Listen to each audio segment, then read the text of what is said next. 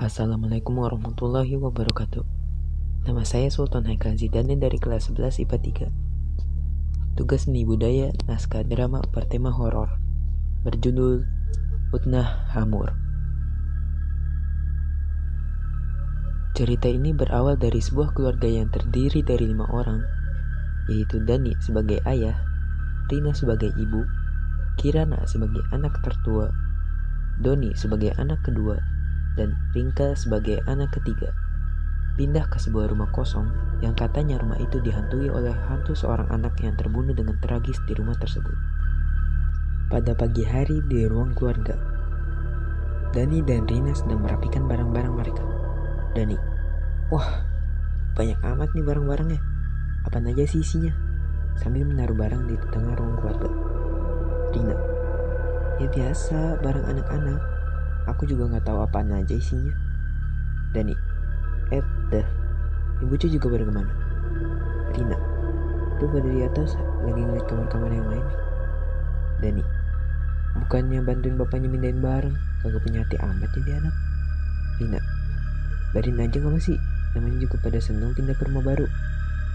Lalu Dani berjalan menuju pintu depan, dan tiba-tiba seperti ada yang menyentuhnya dari belakang. Saat ia melihat ke belakang, ia melihat sesosok wanita yang mirip dengan anak pertamanya Kiran. Dani, kakak bantuin dong orang mindahin barang. Kirana terdiam. Eh, kenapa diem aja? Kalau orang tua manggil tuh dijawab.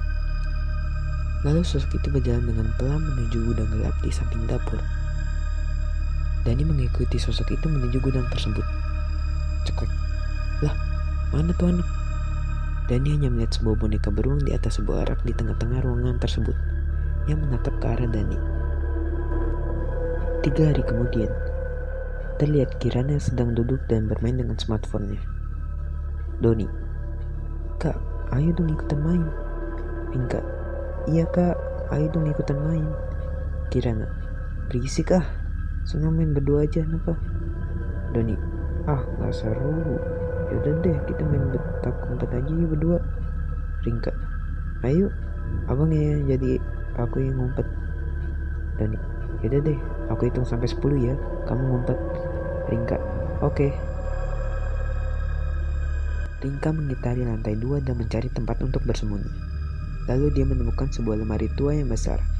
Ia tertakjub dengan betapa besarnya lemari itu. Ia membukanya lalu melihat banyak baju-baju lama yang tergantung di dalamnya. Hmm bagus nih tempat. Abang pasti nggak bisa nemuin aku Lalu Ringka masuk ke dalam lemari tua itu dan menutup pintu. Tetapi tiba-tiba ada tangan yang mendekap mulut dan mata Ringka. Ringka mencoba untuk berteriak, memanggil Doni tapi tidak bisa. Lalu ia terlihat kehabisan nafas.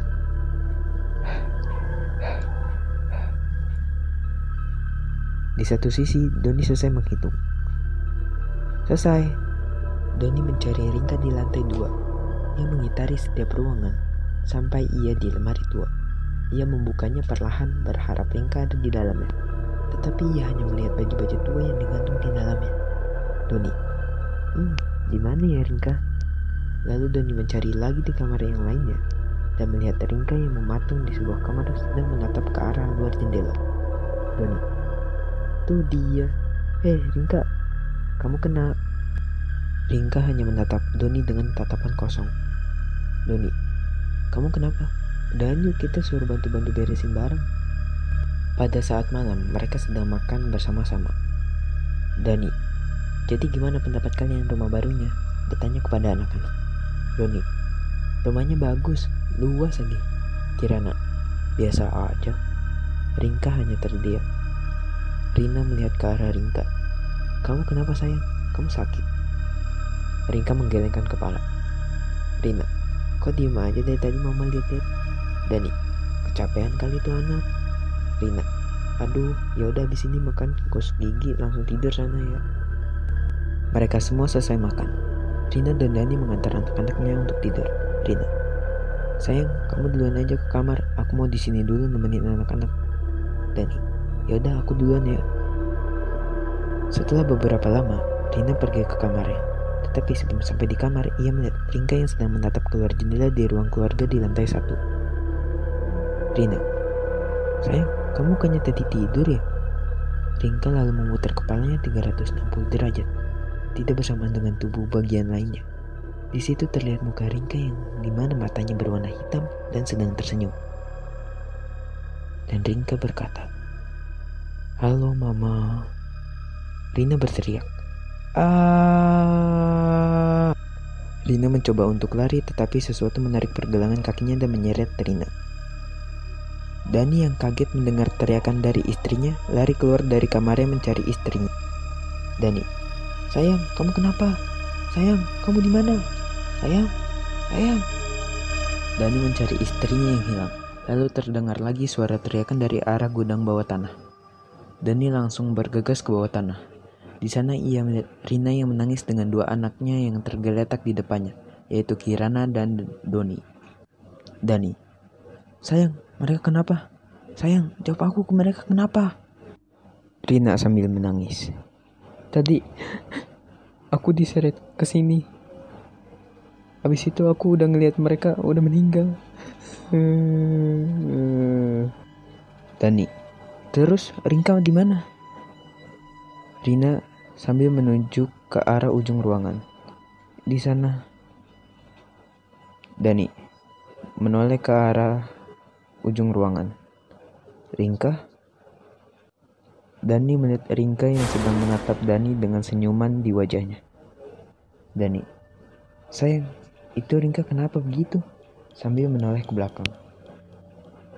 Saat ia melihat ke belakang, terlihat di sana Rina, mayat Kirana, mayat Doni, sedang berdiri tegak dengan kepala menunduk ke bawah, lalu menatap ke arah Doni dengan tersenyum. Dani, Ka kalian? Lalu Dani penasaran dengan Ringka. Ia menoleh ke belakang dengan perlahan. Tetapi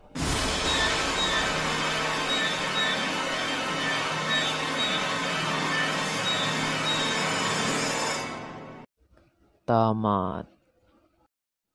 Cerita ini hanya fiksi belaka. Peace.